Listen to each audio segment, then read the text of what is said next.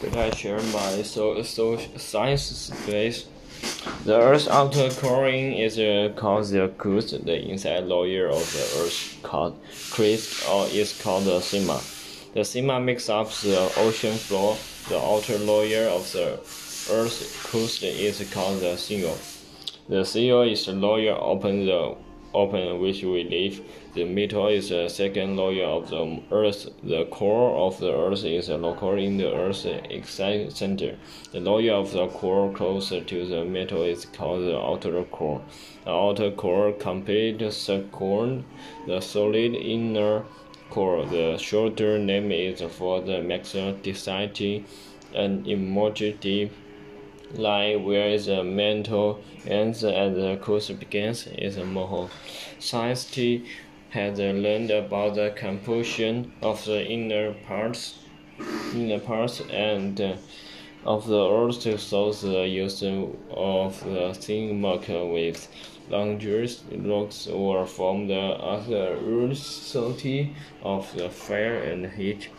Seventy rock was uh, formed by cementing of dirty coal and uh, sand to bottoms of the river, lakes, and oceans. The cement uh, was hardened into rock by pressure and heat.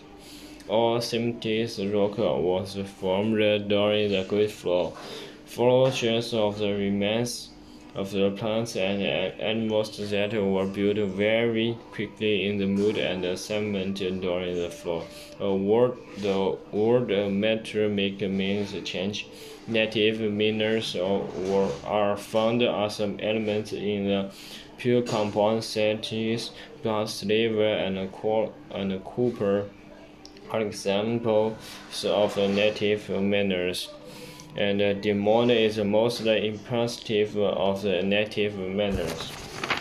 And uh, compound manners are most common. The, uh, manners locatives perform, perform several tests on the rock demand it type. The most important test is the demand and manner type is color test. All manners have the Pernest names manners have never been living things.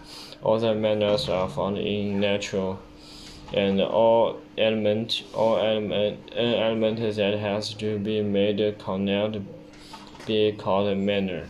Only from the soil rock can be used to simply agree to home and interest. Changes in the Earth's crust are caused by many different natural occurrences